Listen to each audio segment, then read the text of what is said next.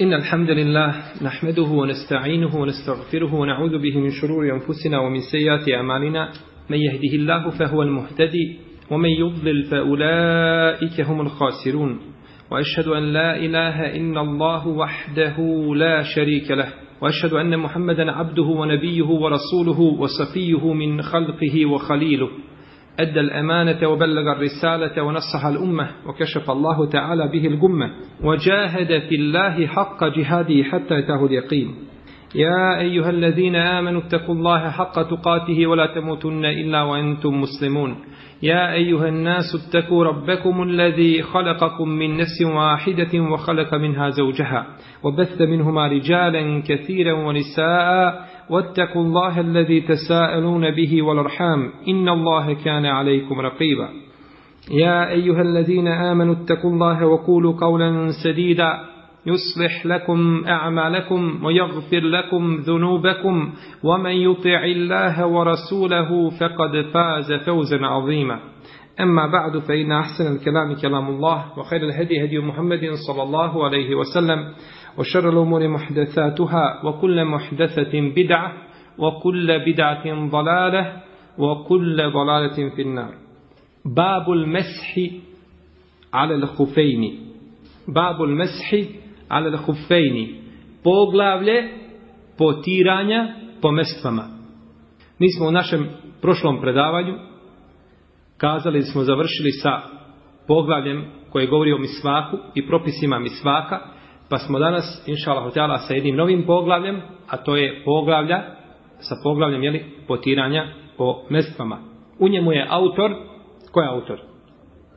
Abdul Ghani al-Maktisi spomenuo hadis El Mughire ibn Šu'be i hadis Hudejfe radijallahu ta'ala anhuma. I mi ćemo danas, inšalahu ta'ala, govoriti o hadisu El Mughire ibn Šu'be, a El Mughire ibn Šu'be se smatra najistručnijim ashabom u pogledu potiranja po mestvama.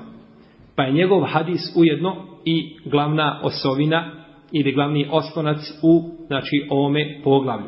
U njemu kaže El Mughire ibn Šu'be radijallahu ta'ala anhu Kuntu ma'an-nabiyyi sallallahu alayhi wa sallam fi safarin fa-hawaitu li-yanzi'a khuffayhi fa-qala da'huma fa-inni adkhaltuhuma fa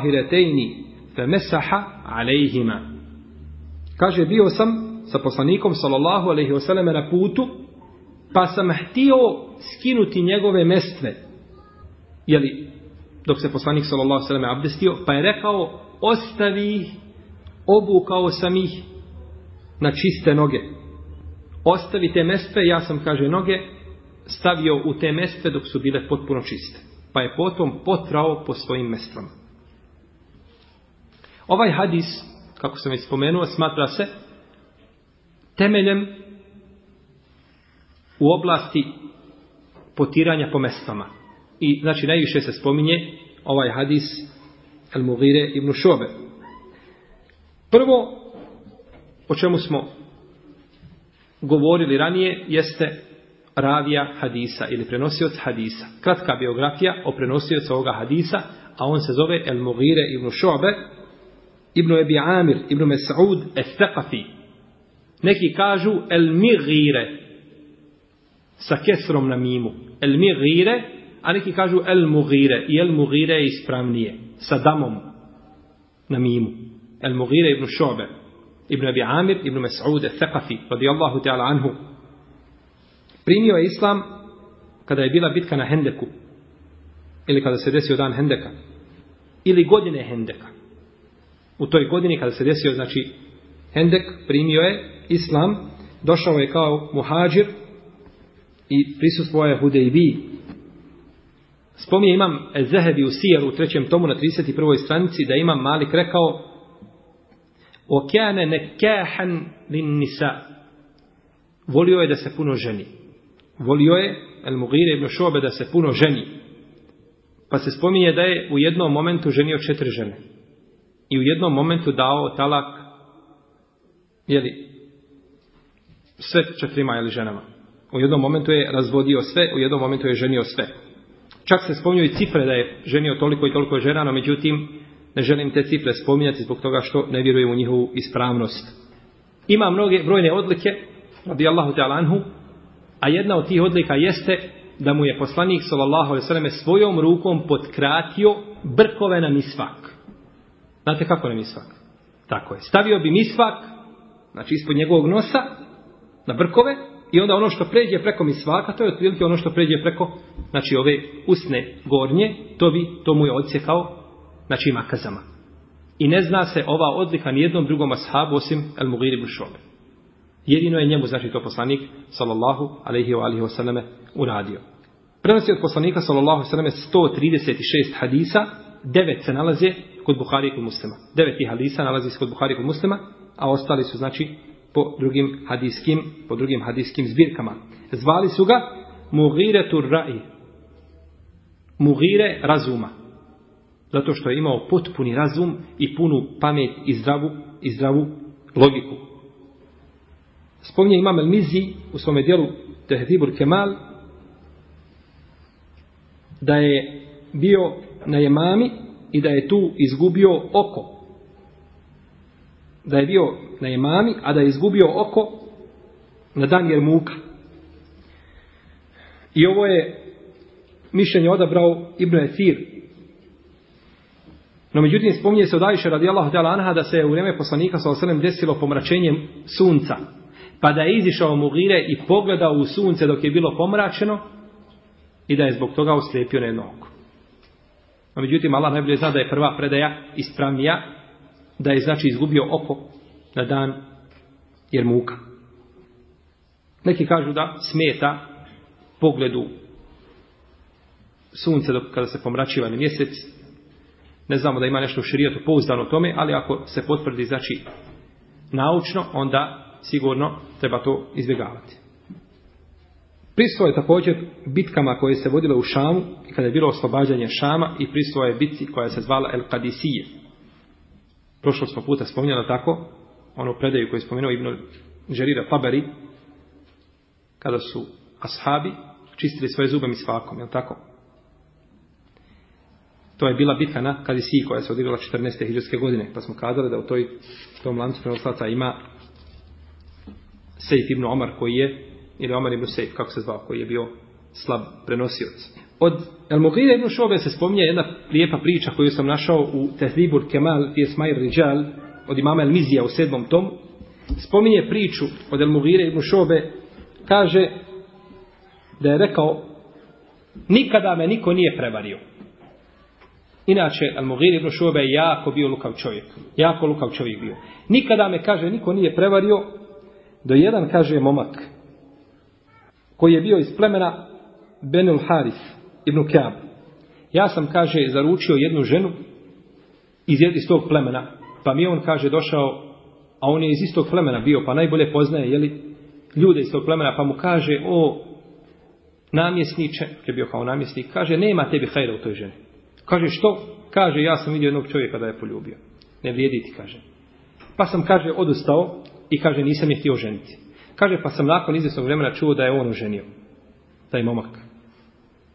To se dešava da čovjek ode sa bratom muslimanom da prosi djevojku i kaže nije to za tebe. I onda dođe on pa, pa je prosi. Kaže, ja sam vidio čovjeka da je poljubio, nije to za tebe. Kaže, pa je nakon izvoznog vremena on je oženio. Kaže, pa sam ga sveo i upitao ga, kaže, šta to bide? Kaže, zar mi nisi, kaže, rekao da si vidio čovjeka da je poljubio, a ti je nakon toga oženio. Kaže, vallahi nisam ti slago. Kaže, vidio sam njenog oca da je poljubio.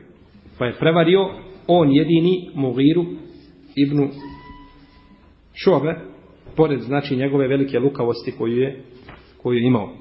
Kaže Ibn Abdulber, neki su se potužili u Basri na Mugiru u šobu, pa ga je Omer smijenio i stavio ga da bude namjesnik u Kufi. Pa je ostao tako, sve dok nije Omer ubijen, dok nije došao Osman i u jedno vrijeme, znači Osmanovog hilafeta, ostao je, ostao je tu, pa ga je smijenio.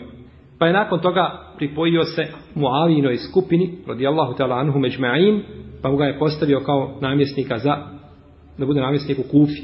I tu je umro kao namjesnik, kaže se 49. kaže El Khatib da je umro 50 50. godine po konsensusu. No, međutim, ima mišljenje i 51. godine što ukazuje na slabost, znači, konsensusa koji se navodi. To bilo ukratko o El Mughiri ibn Šobi, radijallahu ta'ala anhu, ome častnom ashabu poslanika, sallallahu alaihi wasallam. U ome hadisu kaže, kuntuma nebi, sallallahu alaihi sallam, fi sefer. Bio sam sa Allahovim poslanikom, sallallahu alaihi sallam, na putu. Ovaj put bio je put prema Tebuku put prema Tebuku kada su pošli na bitku na Tebuk, a u jednoj se predaji navodi da se ovaj događaj desio prije sabah namaza. Kada se Allahov poslanik s.a.v. abdestio za sabah namaz, tada je kazao, nemoj kaže izuvat moj mesti, jer sam je obukao, jer je na čiste noge. A bitka na Tebuku je bila u Ređepu devete hiđeske godine. Kaže, ja sam je obukao na čistoću, na čiste noge na punu čistoću. Ovdje se odnosi na čistoću poslije propisno uzetog tahareta abdesta. Jer se puna čistoća ne naziva osim kada čovjek uzme, znači, kada čovjek uzme šerijetski propisan, znači, abdest. I oblačiti mestve na takav abdest je jedan od uvjeta potiranja po mestvama jedan od uvjeta potiranja po mestama. U ome hadisu je dokaz da je dozvoljeno čovjeku kada znači obuče, uzme abdest i nakon toga obuče mestve da potira po, po mestvama. I nema razilaženja među islamskim učenjacima po tome pitanju. Svako ko govori o ovome pitanju navode konsensus pravnika. Ne razilaze se, a mi ćemo naknadno spominjati mišljenja islamskih učenjaka o potiranju po mestama. Da vidimo kako su oni to i gdje su svrstali potiranje po mestama. Kako su mjesto dali O ome fikskom pitanju. Čak da su ga svrstali u akajitska pitanja, mnogi od njih. Pa ćemo to spominjati inša Ovdje se postavlja pitanje, kada se govori o potiranju, da li je bolje potirati po mestvama ili je bolje oprati noge. Islamski učenjaci po ovome pitanju imaju tri mišljenja. Prva skupina, ovo mišljenje zastupaju neki ashabi i učenjaci šafijske pravne škole kažu da je pranje nogu bolje od potiranja po mestama. Neka skupina tabina kaže bolje je potirati po mestvama, da bi se time odgovorilo haridžijama i šijama koji ne potiru po mestvama, koji to poriču. Pa kaže da bi se time razlikovali od njih i da bi njima pokazali šta je sunet bolje potrati. I ovo je mišljenje odabrao imam Ahmed ibn Hanbel. I kaže treća skupina, i ovo je jedan rivajet od Ahmeda, ali je drugi ovaj rivajet jači i ispravniji, i odabrao ga Ibnul Munzir da je to isto. Ibnul Munzir od čije skupine? Čiji on mezheb? Ibnul Munzir, ne Saburi. Šafija i šafijskog mezheba. Kaže da je isto, potrao ili opravo. Bilo da potareš ili da opereš, isto je. Sjećam se da sam čitao u fiksnim knjigama nekad davno da neki učenjaci smatraju ako čovjek opere noge i obuče mespe na čiste, znači noge na potpun abdest, pa nakon toga dođe ili hladno vrijeme, ili mu je teško skidati mespe i slično tome, kažu da je bolje da potere u tome slučaju. Jer Allah voli da se koriste njegove olakšice kao što voli da se izvršavaju njegovi farzovi. A ako čovjeku nije problem da iskine i da opere noge i tako dalje, onda kažu bolje je znači da da opere noge, jer ipak pranje nogu je potpunije, jer je to spomenuto, to je spomenuto znači u Kur'anu. U svakom slučaju, šta god čovjek da uradi od ovoga, to je dozvoljeno i to je, to je Kaže ima Mahmed u mome srcu nema nikakve šubhe i sumnje po pitanju potiranja po mestama, jer hadise o potiranju po mestama prenosi oko 40 ashaba poslanika sallallahu Sunnet koga prenosi 40 ashaba. Kaže Ibn Abi Hatim, Ibn Abdul Ber da također hadise o potiranju po mesama prenosi 40 ashaba. Kaže Waliju Din ali iraqi u svome dijelu Parhu et Tesrib u drugom tomu na 230. stranici da hadise o potiranju po mesama prenosi 60 ashaba. A najbolje što je uradio u ovome poglavlju jeste Ibnul Mulekin. Ibnul Mulekin koji kaže sakupio sam imena ashaba i predaje koje govore o potiranju po i kaže vidio sam da je njihov broj dostigao 80 ashaba. 80 ashaba, pa su predaje o potiranju po mestama mutevatir. Mutevatir, kao što ćemo spomenuti od, od Ebu Hanife, koji je ukazao na to. Mutevatir, jer kada prenosi, znači tolika skupina ashaba, jedan sunet od poslanika, sallallahu alaihi wasallam. Kaže Ibn Munzir, u svome dijelu Lausat i spominje Ibn Abdul u svome dijelu El Istiskar, imam Nevu El Međmu'a da je Hasan al-Basri kazao pričalo mi je 70 ashaba od poslanika sallallahu alejhi ve da su ga vidjeli kako potira po mestama. Hasan al-Basri tabin kaže 70 ashaba mi je pričalo o tome. U predaji koji spominje El Mawardi u svom djelu El Hawil Kebir u prvom tomu kaže pričalo mi je 70 učesnika Bedra da su vidjeli poslanika sallallahu alejhi kako potire po svojim mestama. No međutim ova predaja 70 učesnika Bedra se ne smije sad ovako, jer Hasan al-Basri nije doživio 70 učesnika Bedra. On nije od one stare skupine tabina, već pripada srednjoj ili poznijoj skupini, pa nije doživio taj broj, može se kazati da mu je kazao jedan ili dvojica ili trojica, da su čuli od drugih i da su to svi drugi vidjeli i tako dalje. Znači da prenosi od njih, a ne da je to čuo direktno, znači iz njihovih usta.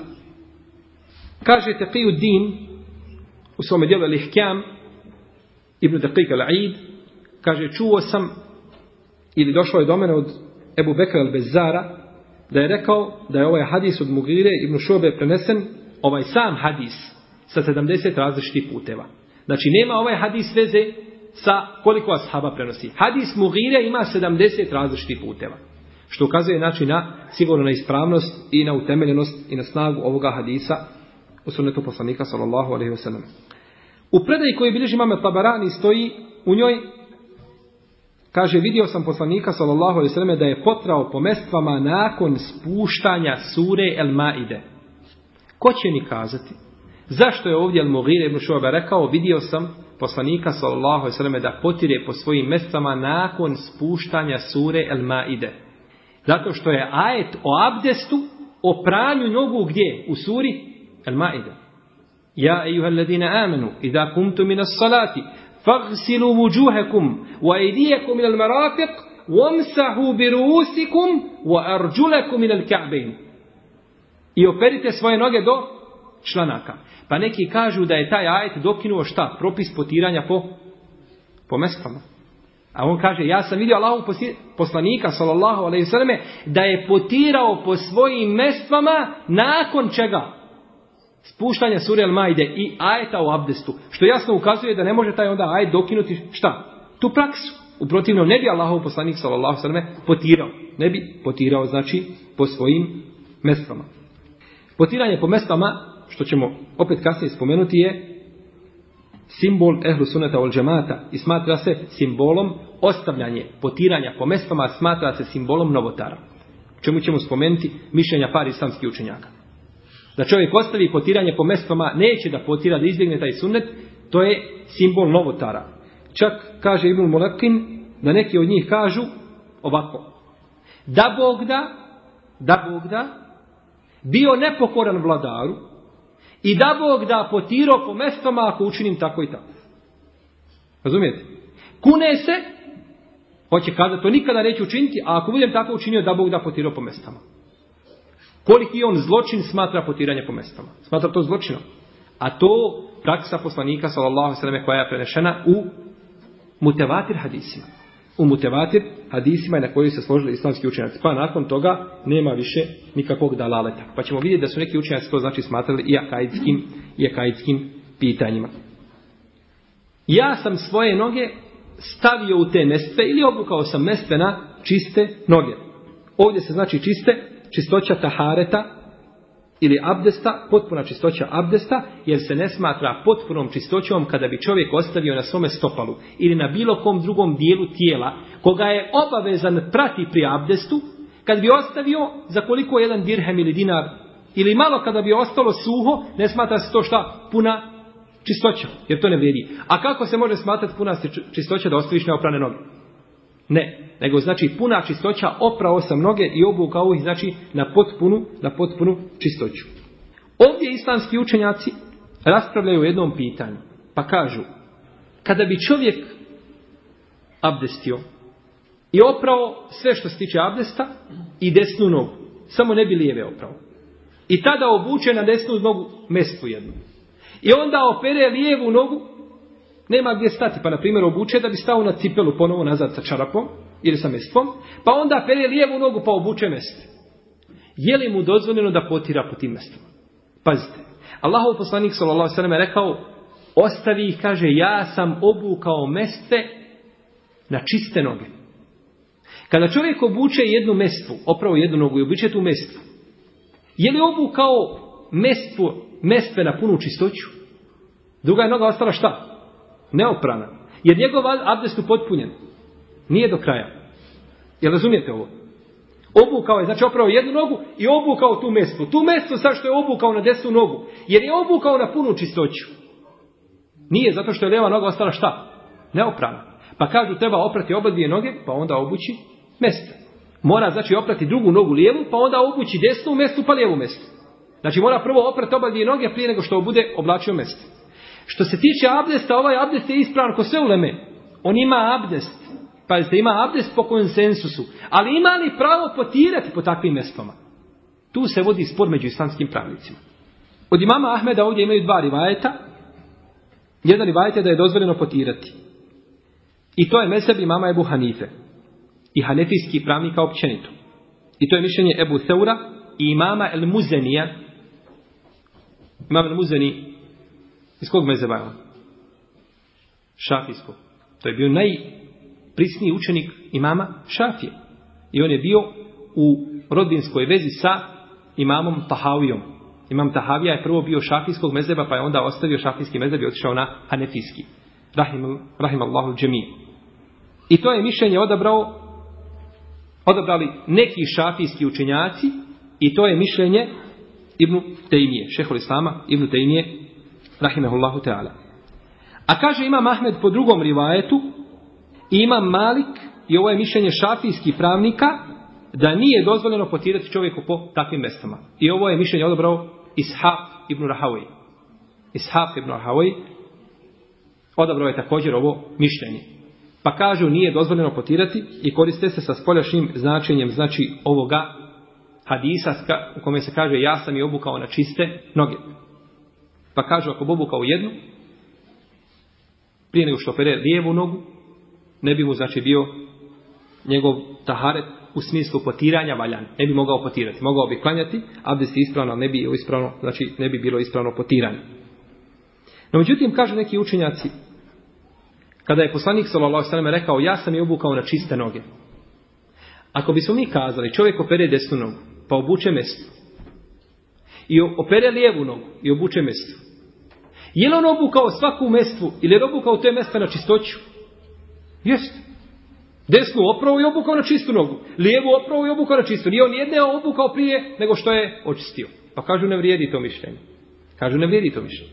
I Allah zna najbolje da je mišljenje hanefijskih pravnika, hanefijskih pravnika i Ebu Seura i El Muzenija i Šehol Samo im temije da je jače i da je to dozvoljeno i da je to dozvoljeno.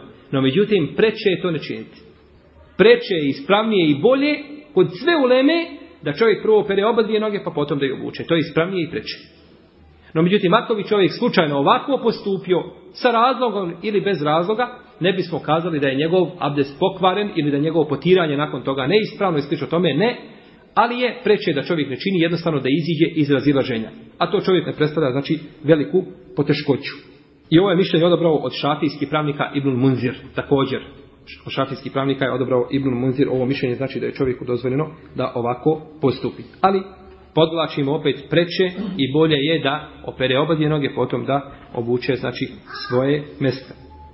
Neki ovo dokazuju i hadisom, kažu Allahov poslanik s.a.v. je napravio olakšicu putniku da potira tri dana i tri noći i čovjeku koji boravi u svome mjestu boravka jedan dan i jednu noć i da to tahara felebi se Kada se kaže očisti, potom obuče šta svoje mjeste. Kada se očisti, potom obuče svoje mjeste. Pa kažu, spomenuto je čišćenje, potom fe. Nakon toga obuče mjeste. Pa znači prvo se očisti pa obuče mjeste. Mi kažemo to je potpunije, to je ispravljeno, uđite, ne mora znači da je to da je to uvjet, jer znači nije hadis kategoričkog značenja, znači u smislu zabrane. Isto tako hadis u kome se spominje da je poslanik me naredio da se potira po mestama ako ih obučemo na punu čistoću. Kažemo na punu čistoću ne mora značiti da mora čovjek opet prvo oba dvije noge, već ako opere jednu pa obuče mestu, pa opere drugu pa obuče mestu, da je to opet, da je to opet puna, da je to opet puna čistoća. Allahu Teala alam. Neki islamski učenjaci kažu potrao je po njima da treba potrati samo gornji dio mestri. Da se potira samo gornji dio mestri. U mezebu imama Malika se kaže da je obavezno važib potrati gornji dio mestri, a da je lijepo ili mustahab potrati donji dio mestri. U predaji od Ešheba, znači od imama Malika se kaže da potare odozgo ili odozdo ispravno je. Šta god da potare znači ispravno je. Imam Šafija smatra da je potrati odozgo obavezno, a da je lijepo potrati znači donji dio, donji dio mestvi. međutim, ako pogledamo sunet poslanika sallallahu sallam i predaje koje se navode, vidjet ćemo da je ispravno potirati samo gornji dio mesti. Da nema nikakvog argumenta validnog na koji bi se oslonili, koji ukazuje na potiranje donjeg dijela mesti. U hadisu koga bilježi imam Ebu Davud i Kutni i koga su poznati hadijski stručnjaci ocjenili vjerodostojnim, Alija ibn Abi Talib kaže, kada bi vjera bila po logici, potiranje donje strane mestvi bilo bi prioritetnije od gornjeg. Međutim, vidio sam poslanika sallallahu alaihi wasallam da potire gornji dio mesti. Zašto kaže donji dio mesti da bi bio prioritetniji za potiranje? Zato što čovjek hoda i doći će, znači, tlo sa donjim dijelom mjesti pa bi potiranje i čišćenje tog donjeg dijela bilo preče nego gornjeg. No međutim, kaže, ja sam vidio Allahovog poslanika, sallallahu sallam, da potire gornji dio mjesti Ovdje kad kažemo kad bi vjera bila po logici, da se ne bi shvatilo da u vjeri nema logike. Ne, u vjeri ima logike i logika ima svoje mjesto u vjeri, ali nema logika mjesto gdje. A?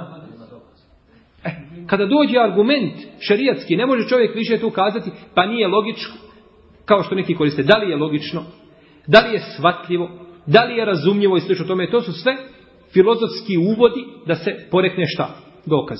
Ništa drugo. Kada dođe od Allaha i od poslanika, kažeš semijana u afana. Čuli smo i pokoravamo se. E tu, znači, nema mjesta logici. A u osnovi, znači, vjera je vezana za logiku i ne može se vjera razumjeti bez logike i bez razuma i bez pameti. U drugoj predaji Ali Allahu ta'ala kaže smatrao sam potiranje donje strane mestvi logika, ha? prioritetnim od gornje. Sve dok nisam vidio poslanika sallallahu kako potire sa gornje strane. Znači kada bi čovjeku dalo, kada bi vjera bila po logici, ali ja sam kaže ja sam smatrao trebao od ozda potretno. Međutim kada sam vidio Allahovog poslanika sallallahu alejhi kako to čini, znači shvatio sam da nije onako kako sam ja mislio. El Mughire ibn Šobe kaže u predaji koji bilježi imam Tirmizi i koji smatra dobrom, a šejh Albani vjerodostojnom, vidio sam poslanika sallallahu alejhi ve kako potire po gornjoj strani svojih mesti. Vidio sam poslanika sallallahu alejhi kako potire po gornjoj strani svojih mesti.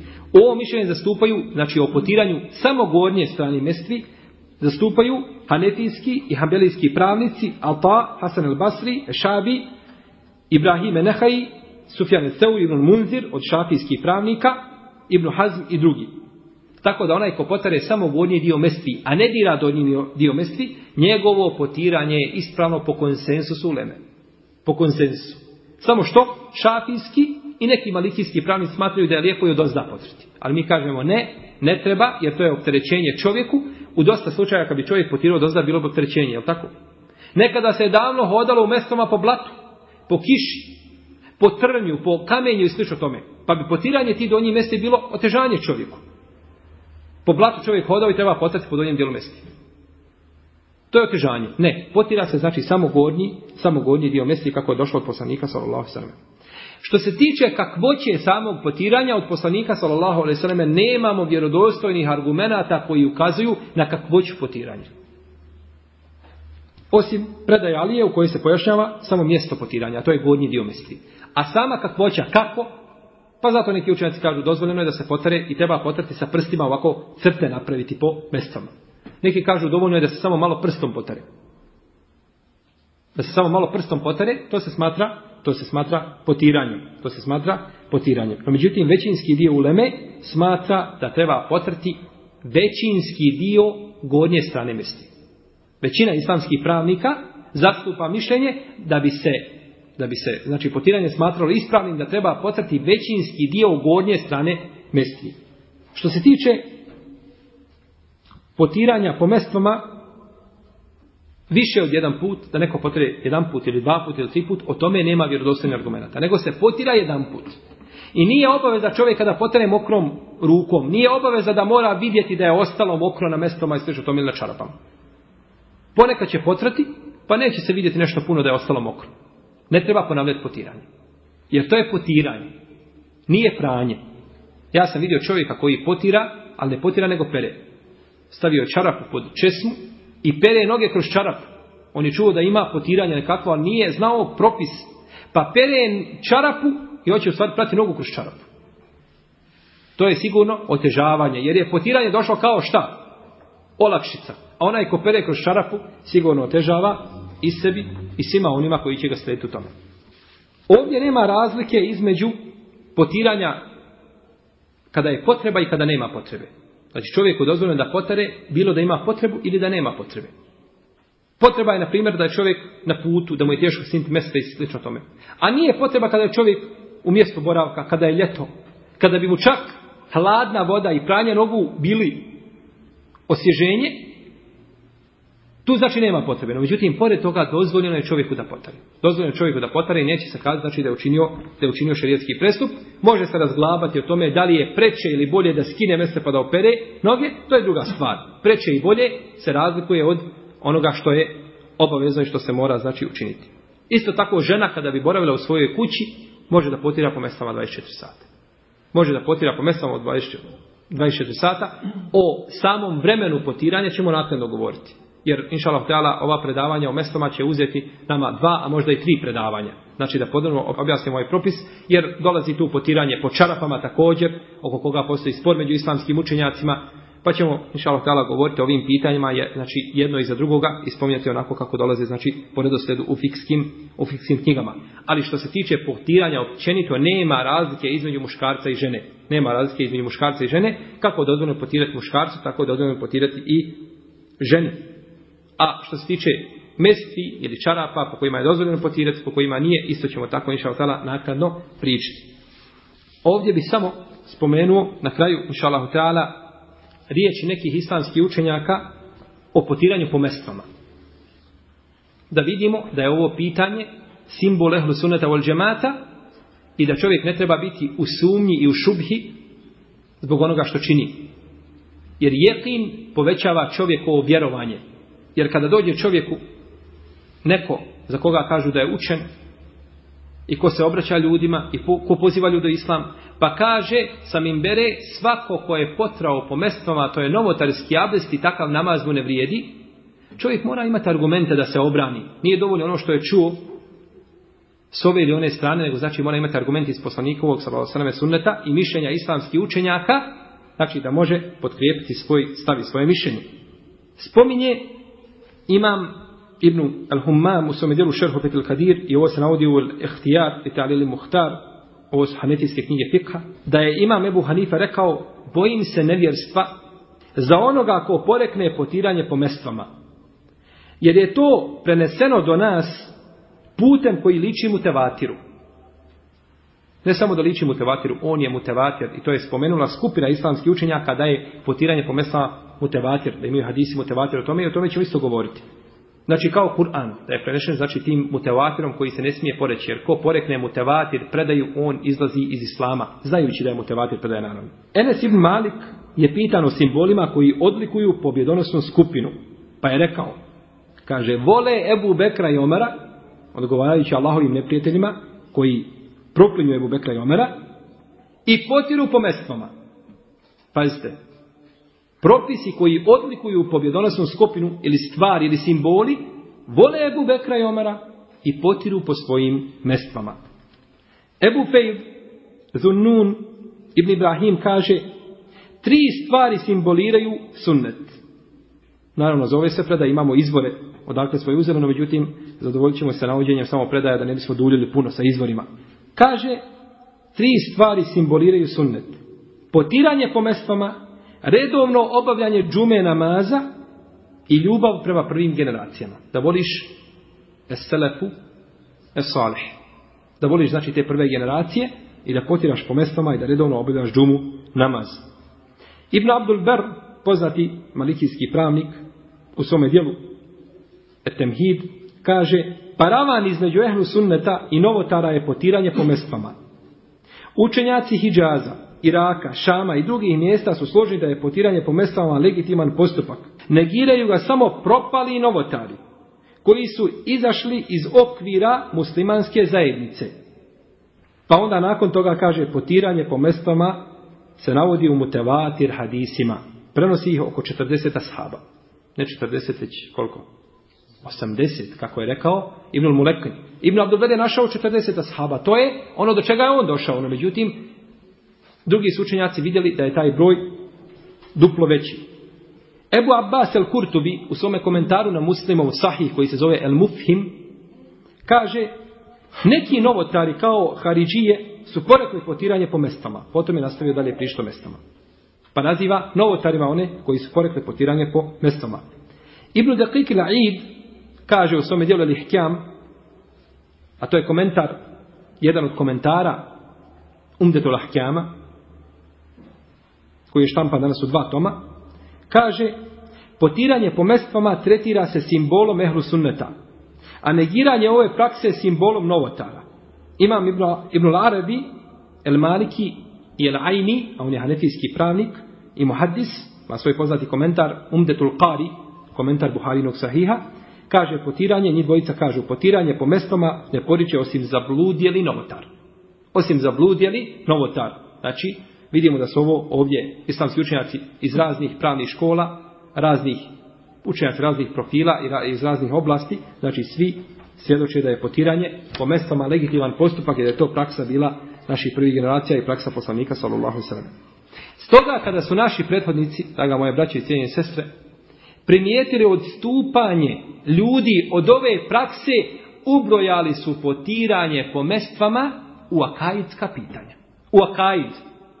Tako je učinio Ebu Muhammed el Berbehari u svome dijelu Šerhu Sunne na 72. stranici. Tako je učinio Ebu Amr Edani u svome dijelu Risaletul Wafije na 257. stranici. Tako je učinio Ebu Džafer Tahawi, islamski učenjak, u svojoj poslanici, u drugom tomu na 551. stranici. Tako je učinio Ebu Qasim el lalikai u svome dijelu Šerhu u suli elijatikad u drugom tomu na 170. i u drugoj tomu na 205. stranici. I tako je učinio Ebu Bekr El-Bejheqi, poznati imam El-Bejheqi, u svome dijelu al iatikad na 193. stranici. Znači vidimo ovo su peterica islamskih učenjaka koji su potiranje po mestvama ubrojali u akaidska pitanja. Jer kada su vidjeli da neko odstupa i da poriče sunnet, tad više ne biva potiranje po mestvama šta? Samo sunnet. I samo fik, nego biva šta? Akaid. Jer je sljeđenje sunneta poslanika sa osvem akaid muslimana. Pa su znači onda to ubrojali znači u akaidska pitanja. I da pogledamo druga brojna akaidska dijela, našli bismo slična ovakva mišljenja i znači ova pitanja su brojala u ovim knjigama. No međutim, ono što sam spomenuo sigurno da je dovoljno inša Allah. Tako imam Ibn Munzir, Ibn Betal, El Ghazali, El Kermani, El Neovi, Ibn Tejmije, Ibn Molekin, Seharin Puri, Ibn Usaymin i brojni drugi navode je konsensus pravnika, znači o potiranju po mestvama i da je to legitiman postupak i da je to bila praksa naših prvih generacija. Pa čovjek znači ne treba da bude nije u kakvoj sumnji i u dvojbi što se tiče potiranja po meskama, jer je to sigurno legitiman postupak, a čarape također imaju propis mesti, o čemu ćemo inša Allah govoriti u našim narednim predavanjima. Ostao nam je još hadis huzeite ibn Jemana, njega ćemo spomenuti narednog puta, on je dosta kraći od ovoga hadisa, pa ćemo nakon toga onda spominjati, kao što smo radili kod abdesta, brojna pitanja vezana za potiranje po mestama. Kao na primjer, da li skidanje mesti kvari abdest. Vrijeme potiranja. Da vidimo ashabe koji su porekli potiranje po mestama. Poput Ibnu Omara, koji je porekao potiranje po mestama. Pa da vidimo šta se desilo sa njim. Je li se on vratio sa toga mišljenja i o tome? Pa ćemo o u narednim predajima govoriti podrobnije znači o ovim pitanjima koji se tiču potiranja po mestama. Molit ću uzvišenog Allaha te barak da nas pouči našoj vjeri da nam da svaki hajda dunjaluku i na ahiretu, da popravi naše stanja i stanje naših porodica i da popravi naše djela i da nam najboljim od naših djela učini zadnja. Allahu Teala alem, sallallahu ala nebina Muhammed, wa ala alihi wa sahabi Ima neko pitanja vezanih prvenstveno za potiranje po mestama za ovu temu, ne požurujući ono što će doći, jer doće na mnoga pitanja nakon ovoga doći nam, ćemo ih znači kroz predavanja riješiti, ali ono znači o čemu smo spominjali, ako ima nešto nejasno ili pitanja, bujno. To spominje Imam Ibnul Humam u svome dijelu Šerhu Fethil Kadir, to je hanetijsko znači dijelo Šerhu Fethil Kadir, u prvom tomu na 143. stranici i spominje ga Imam El Musili u svome dijelu El Ihtijar li ta Muhtar u prvom tomu na 34. stranici. To, znači to su hanetijske knjige koje su prenijele riječ mama Hanifa. Jer od imama Hanife nema puno sa lancima nego mi mišljenje imama Ahmeda, Ebu Hanife, imama Malika uzmamo iz fikskih knjiga njihovih, znači ovaj učenika iz njihove pravne škole. Tako da su najbolje poznavali imena svojih profesora. svakom Svakome onome ko, ko, ko, se pripisuje bilo kom se Ovo nije samo neko imame Ebu Hanife, ovo su i drugi kazali, ovako ili slišao ome. Koji god čovjek kaže, pitamo ga koji ti mezeb slijediš, imama Malika, imama Ebu Hanife, bujrum, evo što imam Ebu kaže. No međutim, da Bog da mi slijedimo nekog od islamskih učenjaka. U tome je bio svaki hajr. A međutim, dosta se puta slijede strasti, a to se pripisuje našoj ulemi, koja je sigurno čista od svega toga. Imam Ebu je bio imam ummeta i slijedio Kur'an i sunnet. I govorio po istinu i po haku.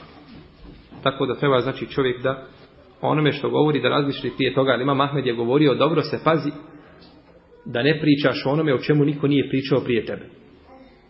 I da kaže što niko nije rekao prije tebe. Ima danas ljudi koji napiše knjigu i u njima u toj knjizi spominje neka akaidska pitanja i kaže ne vidim da je ovo neko spomenuo prije Kazao je riječi da Bog deo da nije te knjige nikako napisao. Akaidsko pitanje, akida muslimana, kaže ovo niko nije rekao prije Ja sam prvi koji ovako nešto otkrio. Znači 14 stoljeća muslimani žive i ne znaju akidu, nego si ti sada došao da nakon 14 stoljeća pokaže šta je prava akida. Da je rekao čovjek, Niko ovo nije na ovakav način predstavio i pojasnio ljudima, možda bi moglo proći, možda. A da kaže ovo niko nije kazao prije mene, ja prvi dolazim, kažemo, odmah spakuj tu knjigu i daj Hanumi da potpali vatru sa njom, to ti je bolje nego da širiš među ljudima, jer u toj knjizi ima nikog hajra.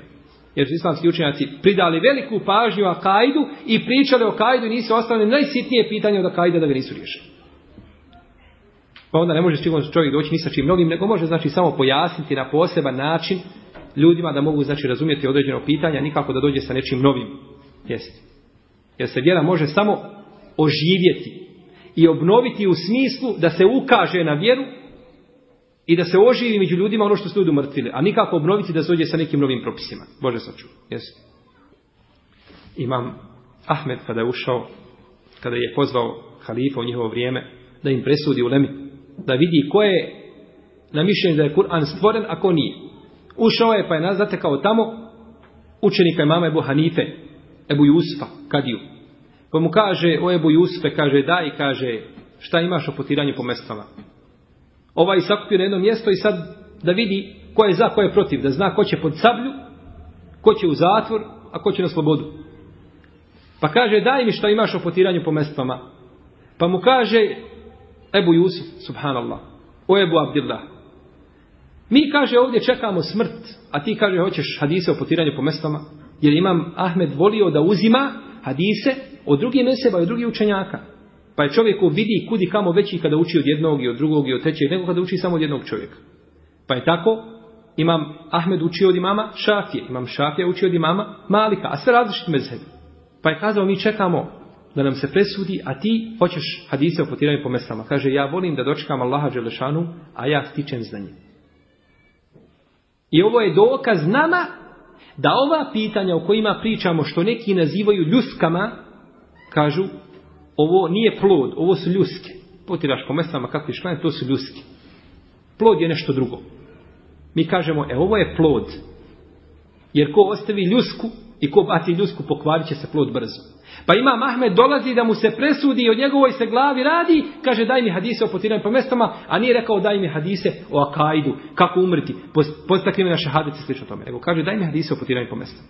Imam Ibn Đerira Tabari kada je umirao na smrtnoj posteli, upitali su ga jedno pitanje o nasljednom pravu, pa nije znao, pa je rekao donesite olovku i pišite, kaže da vam diktiram. Pa kažu njemu, ti na smrtnoj postelji, a da računaš i pišeš koliko pripada ovome, koliko onome, kaže da sretnem Allaha Želešanu, kaže, a ja to pitanje poznajem, draže mi da sretnem Aja I vallahi, Allahu je čovjek draži da sretne Allaha koji drži knjigu u rukama i čita i uči, nego čovjek koji zikri. A možda čak i onaj koji klanja dobro namaz. Jer onaj koji uči i čita, u tome je spas i njemu i drugima. A čovjek koji obavlja dobrovoljne ibadete spas je samo njemu.